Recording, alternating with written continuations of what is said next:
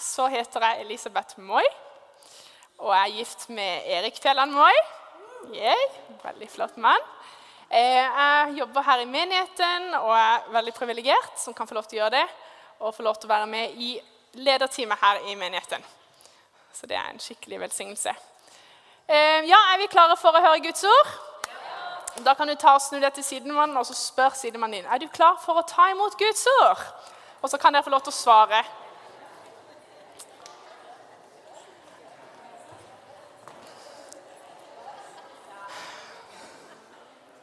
Amen. Flott.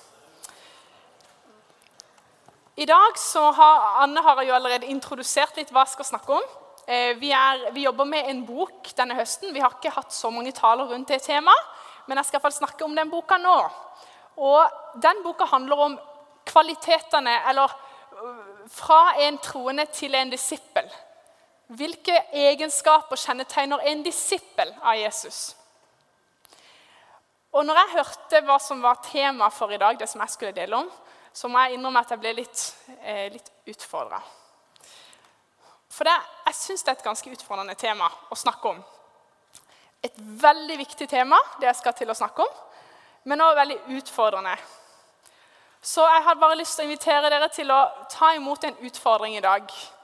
Det kan godt være at noe av det jeg sier, kanskje er litt ubehagelig. Kanskje litt sånn øh, Kanskje du føler at du ikke er der at du ikke er der hvor du lever ut dette her 100 Og kanskje tenker åh, vet du hva, jeg får ikke til dette her, det som hun snakker om. Men vet du hva?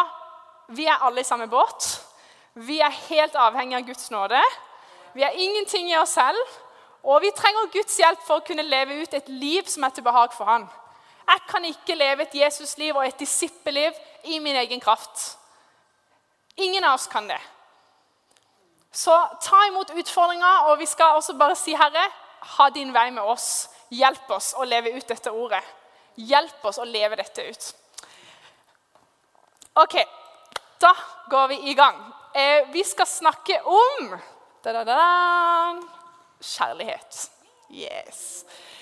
Vi skal snakke om at en disippel er en som elsker mennesker. Tittelen på talen er 'Et liv i kjærlighet'. Jeg vet ikke hva du forbinder med ordet kjærlighet. Kanskje du tenker på gode følelser, hjerter. Noen tenker sikkert helt klart på hjerter når de hører det ordet kjærlighet. Romantiske filmer, kanskje?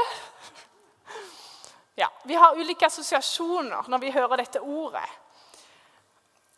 Og det er jo bra, men samtidig er det jo ikke så bra. fordi vet du hva? det ordet kjærlighet er kanskje det ordet som beskriver Gud også aller mest. Og det er det vårt kanskje største kall som kristne. At vi skal elske Elske Gud av hele vårt hjerte, av alt hva vi er. At vi skal elske vår neste. Hvem er vår neste? Min nabo, min familie, ja. mine fiender, de som ikke kjenner Jesus, de som er i nød, de fattige. Det er vårt største kall som kristne. Å elske Gud og elske mennesker. Johannes 13, 35. Hva står det der? Ved dette skal alle forstå at dere er mine disipler, at dere har kjærlighet til hverandre. Jeg tenker Her står det til hverandre, men jeg tror vi kan inkludere at dere har kjærlighet til deres neste. At dere bryr dere om folk. At dere ser til menneskers behov. At dere bryr dere om de som ingen bryr seg om. At dere ser mennesker. Ved dette skal folk se at dere er mine disipler. Kan vi være disipler uten å elske mennesker? Uten å se til hverandres behov, uten å elske våre søsken i troen? Nei. Det er et kjennetegn på en disippel. Mor Teresa Eh, hun, hun, sa mye smart, men hun sa dette. Den verste fattigdommen er ensomhet og følelsen av å ikke være elska. Jeg vet ikke hva du tenker eh, når du ser på samfunnet rundt deg. Men når jeg ser på samfunnet rundt oss, eh, rundt her i Norge hvor vi lever, så er det så mye mangel på kjærlighet så mye ensomhet. Dette har vi hørt. ikke sant? Det er statistikk at i Norge og i Oslo er det veldig mange ensomme mennesker. Mangel på godhet fra andre, mangel på kjærlighet. Jeg tror vi lever i et samfunn hvor det er dessverre Og egentlig, Jeg sier jeg tror, men jeg tror vi kan stadfeste. at Det er veldig mye materialisme, mye egoisme, mye eh, ja, jeg-sentrerthet. Og kanskje likegyldighet. At vi ser behov rundt oss, men vi kan gå rett forbi. Og dette her er ikke noe som er litt sånn åh, Alle dere som gjør dette. Dette her ordet som jeg skal dele i dag, det går like mye tilbake til meg. Dette her går like mye tilbake. Det, det er oss. Vi er alle i samme båt her. Vi bor i et samfunn hvor mange opplever at det er kaldt. Ikke bare at det er kaldt, sånn som Anne sa. Det er jo ikke kaldt, det er jo varmt. Hvis du sammenligner med Sibir og andre steder, så er det jo ganske varmt. egentlig. Men det kan føles litt kjølig. Mennesker kan oppleves litt kjølig. Særlig av folk som kommer fra utlandet, flytter til Norge. kan oppleve at nordmenn er litt, litt kalde. Nei, dere har aldri opplevd det. Ingen her som har opplevd at nordmenn er det. Vi har god, et stort potensial, folkens. Et kjempestort potensial i å bli mennesker som bare er fulle av Guds kjærlighet. Som bare er fulle av omsorg for andre. Som bare elsker mennesker rundt oss. Vi har så stort potensial. Og det er fantastisk, for vi har mye å vokse på. Vi er ikke kommet i mål. Ingen av oss kan si 'Yes, jeg har fullført. Jeg er i mål. Nå kan jeg bare legge meg ned og dø. Nå er jeg ferdig med å ha oppfylt mitt kall.' Vi har et så stort potensial å lære å elske vår neste og bry oss om folk rundt oss.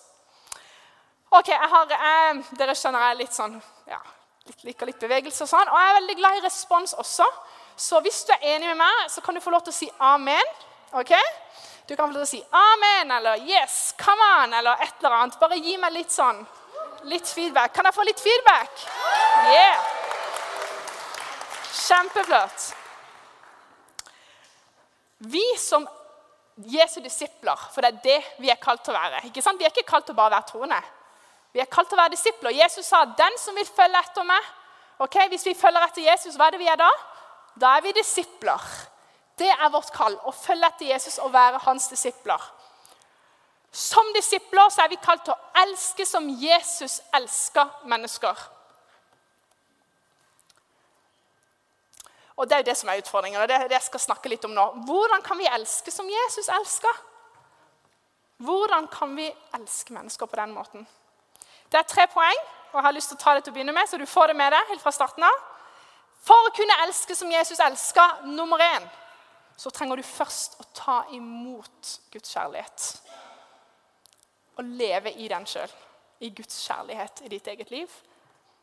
Nummer to du må bestemme deg for å leve i kjærlighet. Dette er hva livet ditt skal handle om. Du skal leve i kjærlighet. Og nummer tre du må begynne å handle i kjærlighet. Og Hvis det er én ting du skal huske fra denne talen, en sånn nøkkelsetning, så er det dette. En sann disippel elsker mer og mer som Jesus elsker.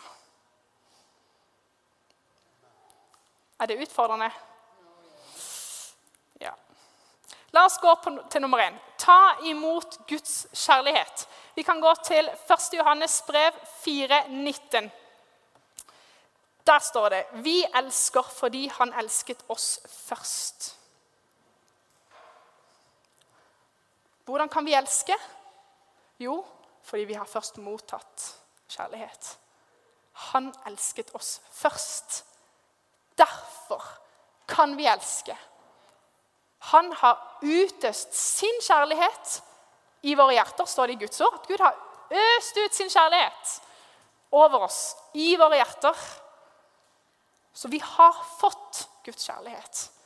Den er i oss. Og siden vi har fått den, så kan vi gi den videre. Vi elsker fordi han elsket oss først. 1. Johannes 4, 7. Mine kjære, la oss elske hverandre, for kjærligheten er fra Gud.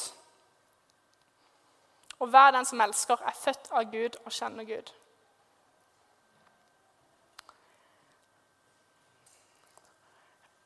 Kanskje du fortsatt assosierer kjærlighet med følelser og, liksom, og masse gode følelser og romantikk. Og det er noe sant i det. Ja, kjærlighet er veldig fint, og det er fint med romantiske følelser og, og film og alt det. Det er veldig fint. Men det er ikke den kjærligheten vi snakker om nå. Vi snakker ikke om den type kjærlighet. Eh, vi snakker om Guds type kjærlighet, som er helt forskjellig. Og hva heter den? Er det noen som vet navnet på den type kjærlighet? Agape som er en ubetinga kjærlighet. Det er en kjærlighet som ikke er avhengig av at du gjør mot meg, så gir jeg tilbake til deg. Nei, den, er, den gir. Den er ikke egoistisk, den bare gir. Guds type kjærlighet er ubetinga. Den har ikke grenser. Det er den type kjærlighet vi snakker om. Vi elsker fordi han elsket oss først. Det, hvordan har Gud elsket oss først? Dette, her, dette, vet vi alle sammen. ikke sant? Hvis vi kjenner Jesus, så vet vi. Jo, Gud elsket oss først for at han kom. Han sendte sin sønn til å komme her og betale for våre synder. Dø på et kors. Gi opp alt. Gi opp sin posisjon i himmelen. Bli et menneske. Bli en tjener inntil døden for meg, for deg. Gud ga alt for oss. I det vet vi at Gud elsker oss, at han ga sin sønn for oss. Og ikke bare at Vi kan tenke ja, ja, men det gjorde han for 2000 år siden, men i dag jeg trenger jo å oppleve Guds kjærlighet. Da, ja, vet du hva? Du har, Gud er din pappa, og du har tilgang på Guds kjærlighet. Den bor i deg, den er i deg. Han har gitt den til deg. Du har fått det. Jesus har allerede vist det til deg. Han er vår far. Han elsker oss. Den kjærligheten er helt tilgjengelig for oss å kunne få erfare mer. Hvordan kan vi oppleve, hvordan kan vi forstå denne kjærligheten bedre? Hvordan kan vi oppleve den og ta den imot mer? Vi, vi, har kunnskapen, kanskje. Ja, Gud elsker meg, jeg vet det. Men kanskje ikke du føler det. Kanskje ikke du opplever det inni deg, at du er elska. Kanskje det er litt vanskelig å, å leve i det og forstå det virkelig. Jeg tror en viktig ting her er det med at det står i ordet at eh, åndens frukt ikke sant? Vi har åndens frukt, ni forskjellige. Og første åndens frukt er kjærlighet. Hva vil det si? Jeg tror, jo, jeg tror det betyr at en frukt er noe som kommer ut av noe. ikke sant? Du må jo først så for at du skal kunne få en frukt. Så åndens frukt tror jeg da, det handler om når vi lever i ånden, når vi lever i fellesskap med Gud. I ånden, ikke sant? Vi er i relasjon med Gud, vi bruker tid med Gud. Vi dyrker den relasjonen til Gud. Hva er da frukten? Ikke sant? Vi lever i fellesskap med ånden, vi investerer, vi sår i ånden. Kjærlighet. Det kommer ut som en naturlig frukt av at du lever med Gud. Av at du lever i fellesskap med Gud hver dag. For ti år siden så var jeg i Jesus Revolution, og det vet jo veldig mange av dere. Yes! Anbefalt, virkelig. Og så eh, husker jeg en uke at jeg var litt sånn Jeg fasta da eh, der. Det er jo ikke noe rart, men jeg fasta en uke, faktisk. Det var litt lenge for meg i Jesus Revolution. Men jeg ville teste ut dette her med fasting, og jeg var ganske begeistra for det. Og så husker jeg på slutten av den uka så, så, jeg vet ikke, men det er noe det der når man Ikke at vi må faste for å kunne elske, ok? men det var noe som skjedde med meg. Det var akkurat som jeg, jeg ble tømt av meg selv ved å faste. Jeg ble på en måte, jeg døde litt da, til meg selv. Um, jeg var ikke så opptatt av, av mitt kjød, av, av, meg selv. ikke sant? Jeg hadde ikke noe mat, hadde ikke noe gi til meg sjøl. Men det var fellesskap med Gud som var viktig de dager. Det var å være i Guds nærvær, det var å høre fra Gud. Så husker jeg da ei jente kom bort til meg. Hun bare 'Elisabeth, jeg vet ikke hva som skjer med deg, men av og til så, har, så, du bare, så du bare, har du bare så mye kjærlighet.' Av og til så er du bare så omsorgsfull. og jeg tenkte ja, det er jo veldig flott å høre det, men det burde ikke være av og til. Men ikke sant? jeg tenkte jeg har akkurat fasta en uke, jeg er kjempesvak. Jeg har bare kjærlighet å gi nå. Bare, ja, du er så god, du har så mye kjærlighet. Men så tenkte jeg på det etterpå. Hva var det for noe med meg som hun opplevde? Jeg tror det var fellesskap med Gud. Hadde, den uka handla om det. Om å være i Guds nærvær og være med Gud. Og hva var frukten av det? Kjærlighet. Omsorg. At plutselig så så jeg de rundt meg mye mer. Og jeg sier ikke her at nå skal vi slutte å spise, altså. Nå skal du ikke spise mer, nå skal du bare faste. Men den er nøkkelen av å være i Guds nærvær, av å være med Gud, av å leve i fellesskap med Han, hvor du kan ta imot Hans godhet, Hans kjærlighet og så kan det strømme ut av deg helt naturlig.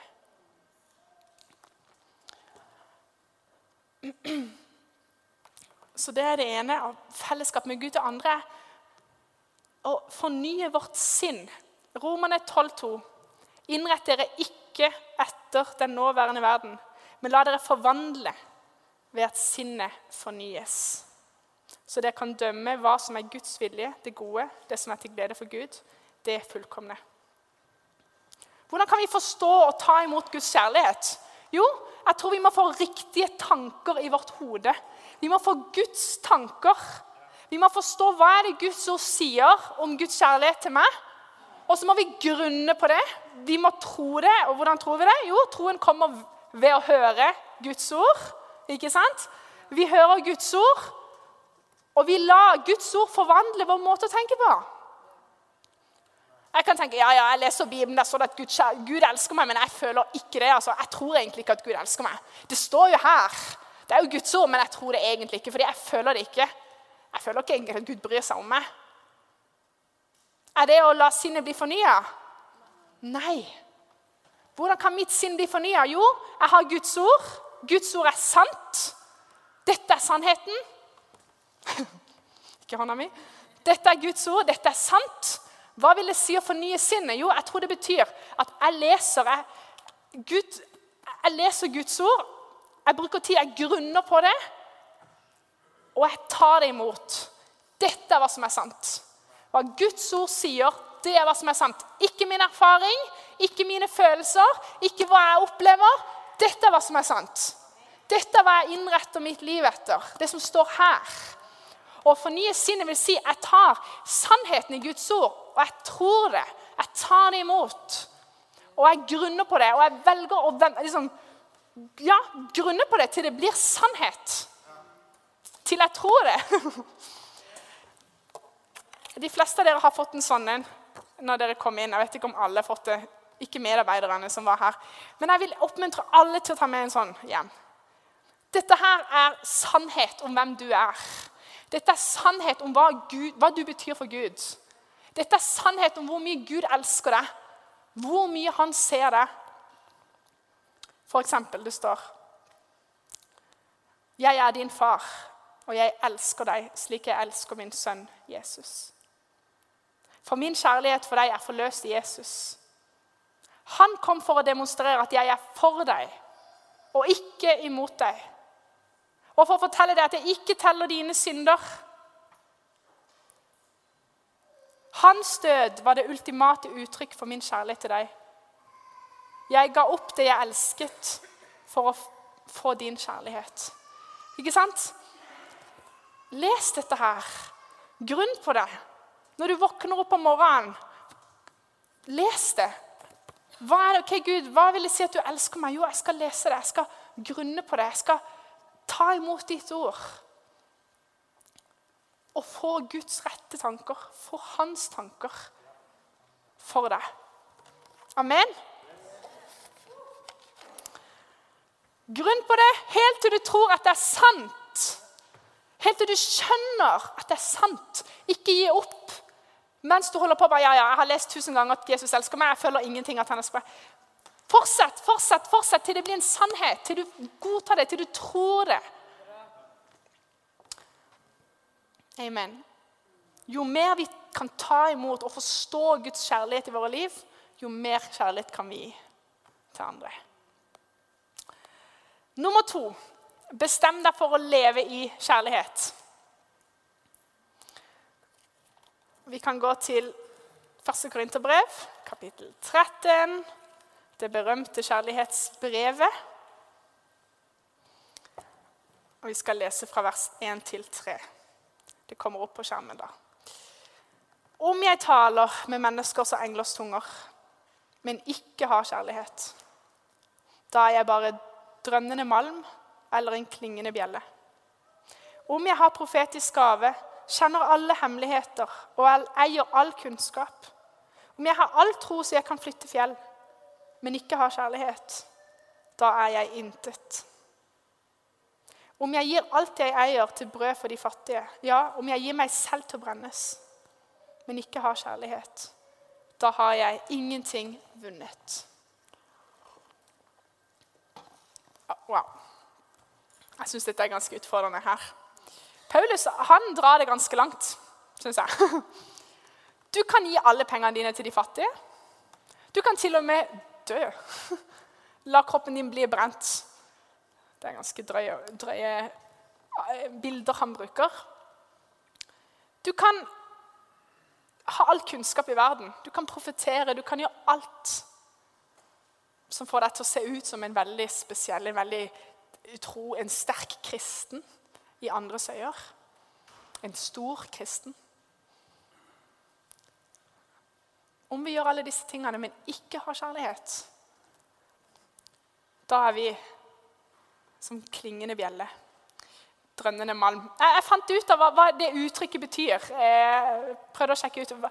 Drønnende malm, klingende bjelle. Hvorfor bruker Paulus det uttrykket? Og faktisk, i det første århundret Hundrede Århundre? Århundre? Ja. så, pleide folk, så pleide de å henge opp en sånn slags bjelle ved innganger til, til eh, hedenske templer. Hvor de tilba ulike guder. Så hang de opp en bjelle på utsida. Og når folk kom for å tilbe de gudene, så begynte de å slå i bjellene for å vekke opp gudene. Sånn at gudene skulle høre bønnene til folk. Og med dette så tror jeg Paulus mente at uten kjærlighet så er det, er det vi gjør, like meningsløst som å, bjell, nei, som å liksom slå i disse bjellene og tro at gudene hører. Så meningsløst er det å tjene Gud og gjøre alt dette her hvis vi ikke elsker, hvis ikke vi har kjærlighet. Men så kommer det senere, da. Vi skal gå litt videre etterpå. det som står i Korinterbrevet, de neste versene. Ikke sant? Der står det også mye om kjærligheten er tålmodig, kjærligheten er velvillig. Ting som kjærligheten gjør. Handlinger. Men her snakker det også om handlinger. Ja, Hvis jeg gir mine penger til de fattige, er ikke det kjærlighet? Jeg tenker Det er jo kjærlighet. At jeg bryr meg om folk i nød. Hvorfor kan Paulus si at jeg kan gjøre det, men ikke ha kjærlighet? Hvordan kan jeg gjøre gode gjerninger, men ikke ha kjærlighet? Så tenk, jeg brukte litt tid til å tenke på det. Jeg tror at Paulus han ser etter noe dypere her. Det handler ikke om gjerninger. Det handler ikke om å bare gi masse penger til folk. Det handler ikke om å stille seg opp på gata. Nå skal jeg vise kjærlighet. Nå skal jeg bare gi masse mat til de fattige. Nå skal jeg bare Hva er det Paulus ser etter? Jeg tror han ser etter noe dypere. Han ser etter et hjerte. Et, en oppriktighet. Ærlighet. Oppriktig kjærlighet. Som kommer fra et hjerte som ønsker å elske Gud. Som ønsker å behage Gud. Og som ønsker å elske sin neste. Ikke nok med gode gjerninger. Det er ikke nok å tenke ja, ja, nå skal jeg begynne å gi masse penger til masse folk. Ja, men vet du hva? Gud ser etter hjertet ditt. Kan du, Har du et rent hjerte, kan du gjøre det av rene motiver. Ikke et motiv som ønsker å, å bli sett. Å være en god kristen i folks øyne. Hvis jeg gjør det, hvis jeg går ut og evangeliserer, da kan alle andre se at jeg er en skikkelig god kristen. Hvis jeg, eh, gir, hvis jeg faster en uke, da kan alle se hvor god kristen er. Ikke sant? Hva er det som er problemet? Jeg gjør det med feil intensjon. Mitt motiv er å bli sett av andre, å bli lovprist og gjøre gjerninger. Men mitt hjerte er ikke kobla på. Det er kanskje ikke et rent hjerte bak. Jeg tror det er det Paulus prøver å få tak på her. At vet du hva? Det handler om hjertet ditt, faktisk. Et hjerte som virkelig ønsker å være til behag for Gud. Filipperne 1, 9-11. Jeg har lyst til å lese i The Message Version. for Jeg syns det er en skikkelig bra oversettelse. Har du den oppe? Nei. Da tar vi og leser bare Jeg kan bare lese det på engelsk. Jeg skal bare lese én av setningene som står der. 9-11. Eh, der står det Learn to love appropriately. You need to use your head and test your feelings so that your love is sincere and intelligent, not sentimental gush.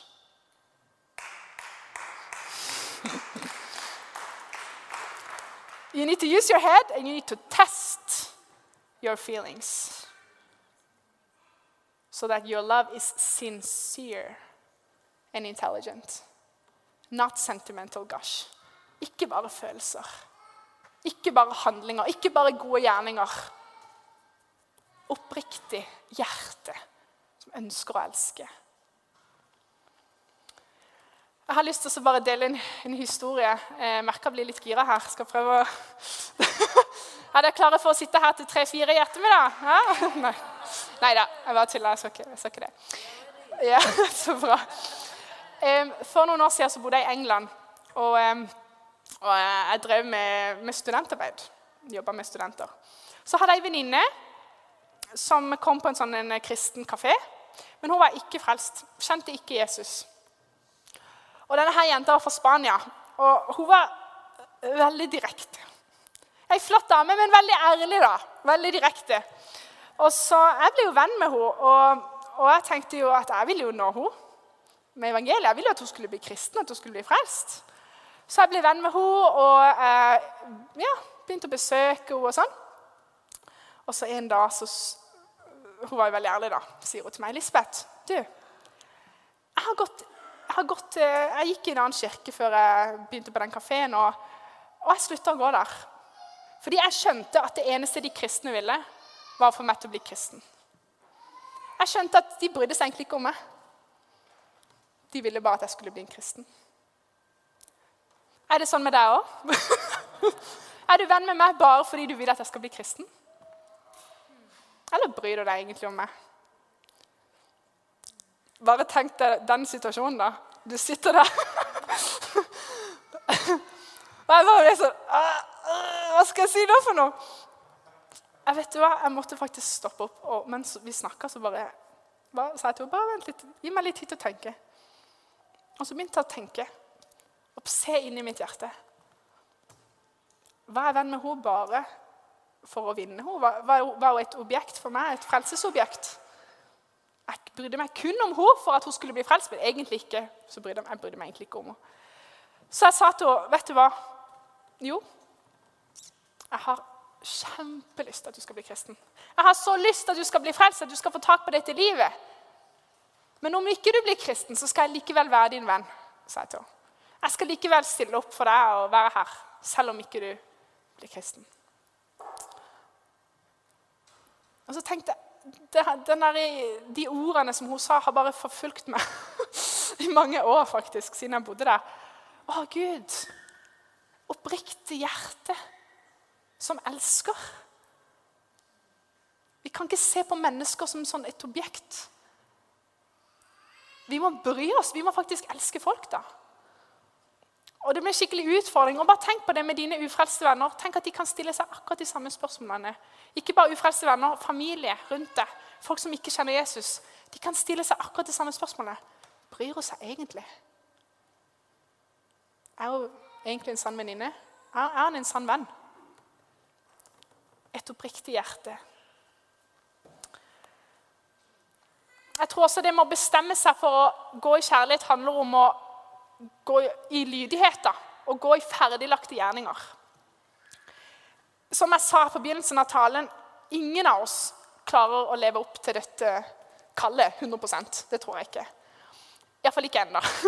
Vi blir mer og mer lik Jesus. Vi kan kanskje klare det ja, mot slutten av livet når vi har Jeg vet ikke. Men poenget er at vi trenger Guds nåde.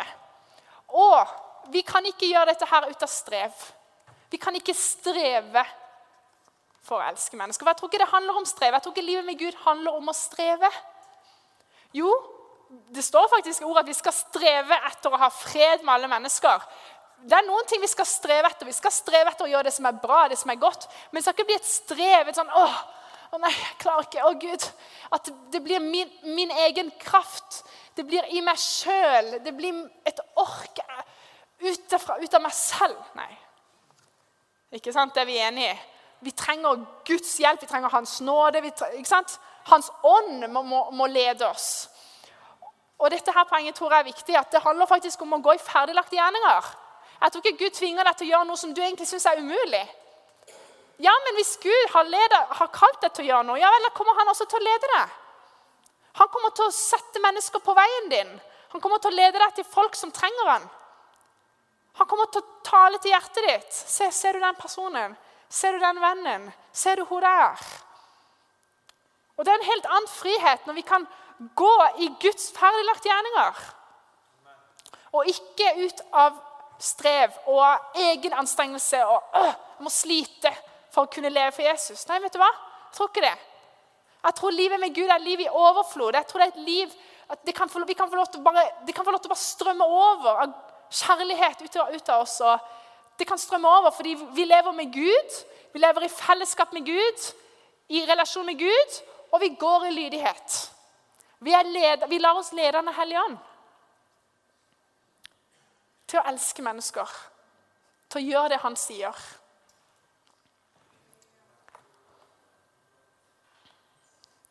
Amen. Nummer tre begynn å handle i kjærlighet. Jeg vil bare at vi skal lese litt videre eh, fra vers, ja, 1. Korinterbrev 13, fra vers 4 til 8. Kjærligheten er tålmodig. Kjærligheten er velvillig.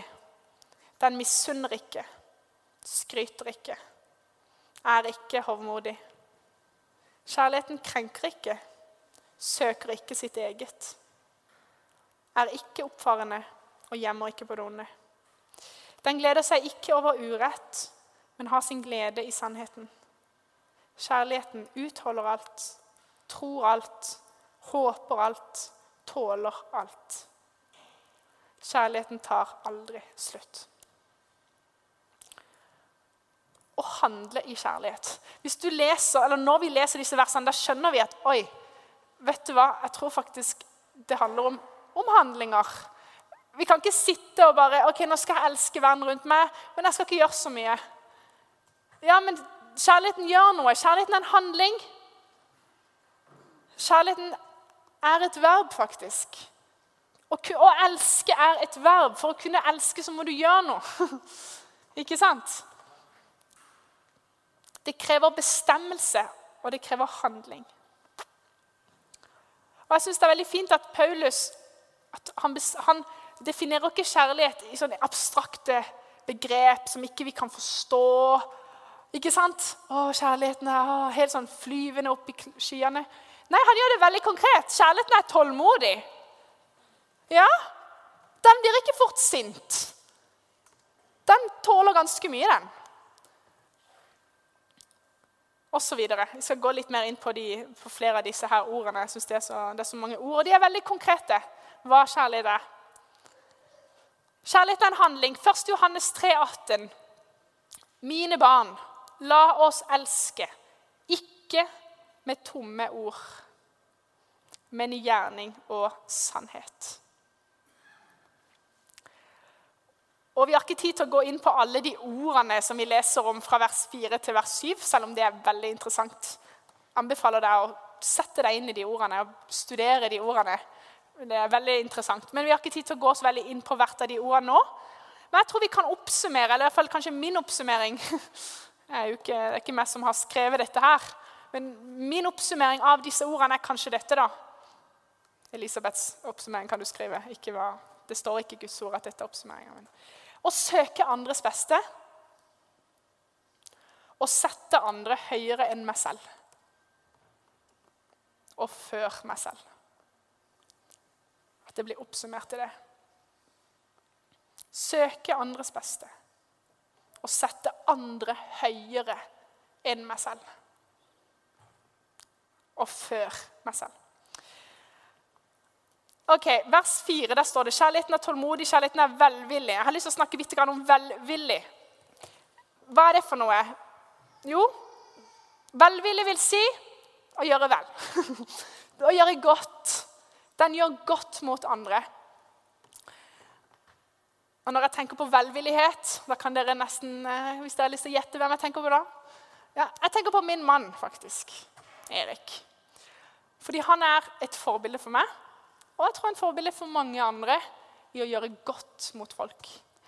Å vise godhet og være velvillig. Jeg husker første daten vår da, for en del år siden. Så møttes vi her i menigheten på morgenen til gudstjeneste.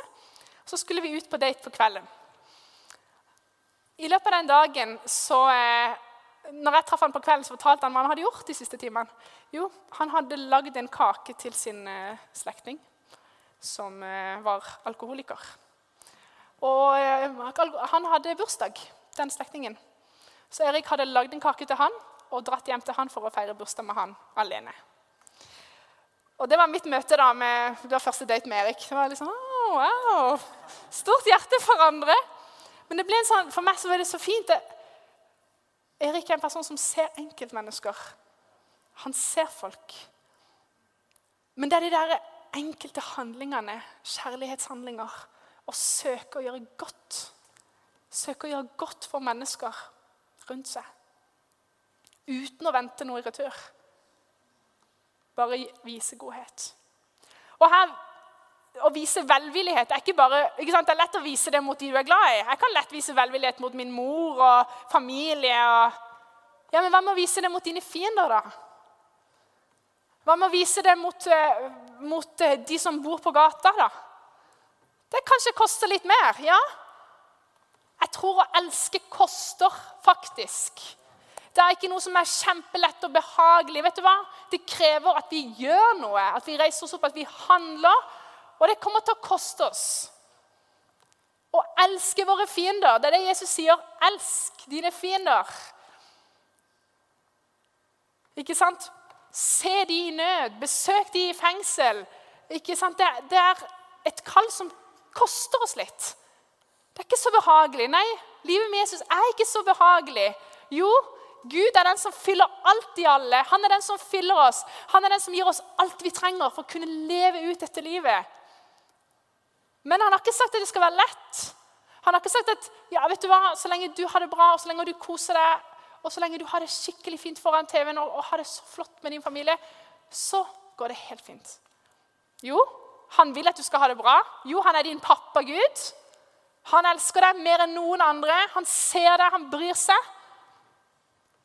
Men han kaller oss faktisk til å reise oss opp og følge etter ham. Ta vårt kors Betal en pris. Og det er det disipler gjør. Vi er villige til å betale prisen. Det er så verdt det. Og dette ordet som jeg sier til dere, ikke føl at å, ja, Elisabeth står der oppe og vet du hva? Det er som et speil, dette her. Alt jeg sier til dere, det går rett tilbake til meg. altså. Dette her er meg òg. Vers 5. Kjærligheten krenker ikke, søker ikke sitt eget. Jeg har bare lyst til å dele et siste sånn vitnesbyrd eh, fra noen i familien min som eh, Når jeg tenker på dette å søke andres beste, tenk, eller sette andre før seg selv, så, så, tenker jeg på tanta mi, faktisk. Jeg har ei tante som er søstera til min mor. Og jeg husker For en del år siden så, så jeg var jeg på besøk hos henne. og Jeg kikka inn på rommet hos sitt, og det var litt rotete. Det var litt mye klær på rommet hos sitt. Det var litt rot. Og så bare tenkte jeg det er litt til. Men vet du hva? Den tanta mi uh, Ikke for å unnskylde at det er greit å ha rot i huset, men den tanta mi Huset hennes er ikke på førsteplass. orden ikke, eller sånn i huset det er ikke det som er først. Mennesker er først. Hun gir sitt liv for andre hele tida.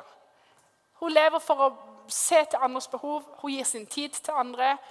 Hun er der ute hele tida med folk. Og Derfor har hun ikke så mye tid til å holde kanskje orden i rommet sitt. Vet du hva? Nå vet jeg ikke, Dette er mange år siden. Hun har sikkert, blitt, jeg vet ikke, hun har sikkert mye orden, og sånn, men det er ikke det poeng, det må forstå poenget. Poenget er at mennesker er det viktigste for henne. Sette andre før seg sjøl. Gi maten sin til andre hvis andre ikke har mat. Så gir hun sin middag. Hun gir den vekk. Hun gir den fra seg. Hun deler. Hun søker alltid andres beste. Hun er skikkelig forbilde. Jeg tror mamma kan være veldig enig med min, min stefar her. Ja, hun bare bryr seg så om folk. Hun er skikkelig forbilde. Og Hun er ikke den personen som, som folk kjenner til. Eller, hun er ikke en som hevder seg selv på noe som helst måte. Hun bare lever i det. Drar opp armene, og det er der ute. Og tjener folk. Og hjelper mennesker i nød. En sann disippel elsker mer og mer som Jesus elsker. Hvordan kan vi elske på denne måten? Jo, det begynner med at vi først må ta imot mer av denne kjærligheten. Erfare den sterkere i våre egne liv. Leve i det fellesskapet med Gud hvor vi kan få tak på denne kjærligheten. Og så tror jeg det innebærer å, også å bestemme seg for at dette skal være en livsstil for meg.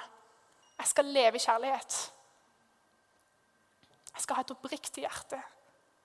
Gå i feilaktige gjerninger. Jeg skal la meg lede. Jeg skal dette bestemmer for å leve i kjærlighet. Og jeg velger å begynne å handle i dag. Jeg bestemmer meg for å reise meg opp og begynne å gjøre noe praktisk. Og hva kan vi gjøre praktisk? Mange syns det er gøy, det er bra med litt praktisk input. Ja, vet Du hva? Du skal få noen praktiske input her. Se den enkelte. Se enkeltpersoner, enkeltmennesker rundt deg. Vi må ikke tenke at vi, vi, må ha alle massene, vi må ha de store massene. Vet du hva? Én etter én. Ett menneske av gangen. Hvis du kan se din nabo, hvis du kan se din slektning som ingen andre bryr seg om Hvis du kan se din kollega som kanskje ikke har noen venner Hvis du kan se det enkelte Begynn der. Så skal du se hvordan Gud bare fyller hjertet ditt med kjærlighet for, for flere og flere og flere. Og du kan være med å bety en større og større, og større forskjell. Se den enkelte. Stopp opp for den enkelte. Lytt til den enkelte. Den du ikke har lyst til å lytte til. Den som ikke er verdt din tid, kanskje. egentlig. Du har ikke tid til den enkelte. Lytt. Bry deg om den enkelte. Så har jeg skrevet også Gå en ekstra mil for andre. Gjør noe som koster deg litt for, for folk. En ekstra mil. Gjør noe ekstra for andre. Så har jeg også tatt med Lev sjenerøst. Vær gavmild. Åpne hjemmet ditt. Inviter folk hjem på middag. Gi gaver. Og inviter gjerne folk som du vanligvis ikke ville invitert hjem. For det er igjen lett å elske de som elsker oss, lett å elske de som tenker som oss. Men Jesus utfordrer oss til å gjøre mer enn det. Noe som koster deg. Lev sjenerøst. Amen. Vi skal avslutte nå. Jeg vil veldig gjerne invitere lovsangsbandet til å komme opp. Og jeg har lyst til å bare sende ut en utfordring nå. Mm.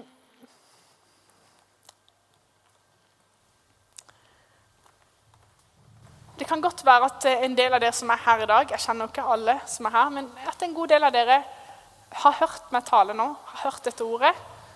Men hvis du ser inn i deg sjøl og, og, tenker på ditt eget liv, så, så kjenner ikke du Gud. Du kjenner ikke Gud som din far. Du har kanskje aldri erfart egentlig at Gud er pappa. Um, du har kanskje aldri erfart Gud i ditt liv. Så har du hørt meg tale, og du tenker kanskje så flott, fint, alt det der, men, men dette her er ikke meg. Jeg, jeg er ikke der. Jeg kjenner ikke denne kjærligheten. Jeg har ikke erfart dette livet som hun snakker om med Gud. Jeg, jeg har ikke noen relasjon til Gud. Gud han lengter etter fellesskap med oss.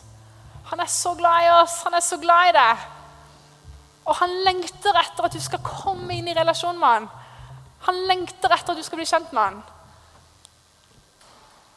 Og han har gjort alt ferdig, alt klart, for at du kan få lov til å bare ta imot denne kjærligheten. Få lov til å komme inn i hans familie. Bli hans barn. Kanskje vi kan ta og reise oss opp alle sammen.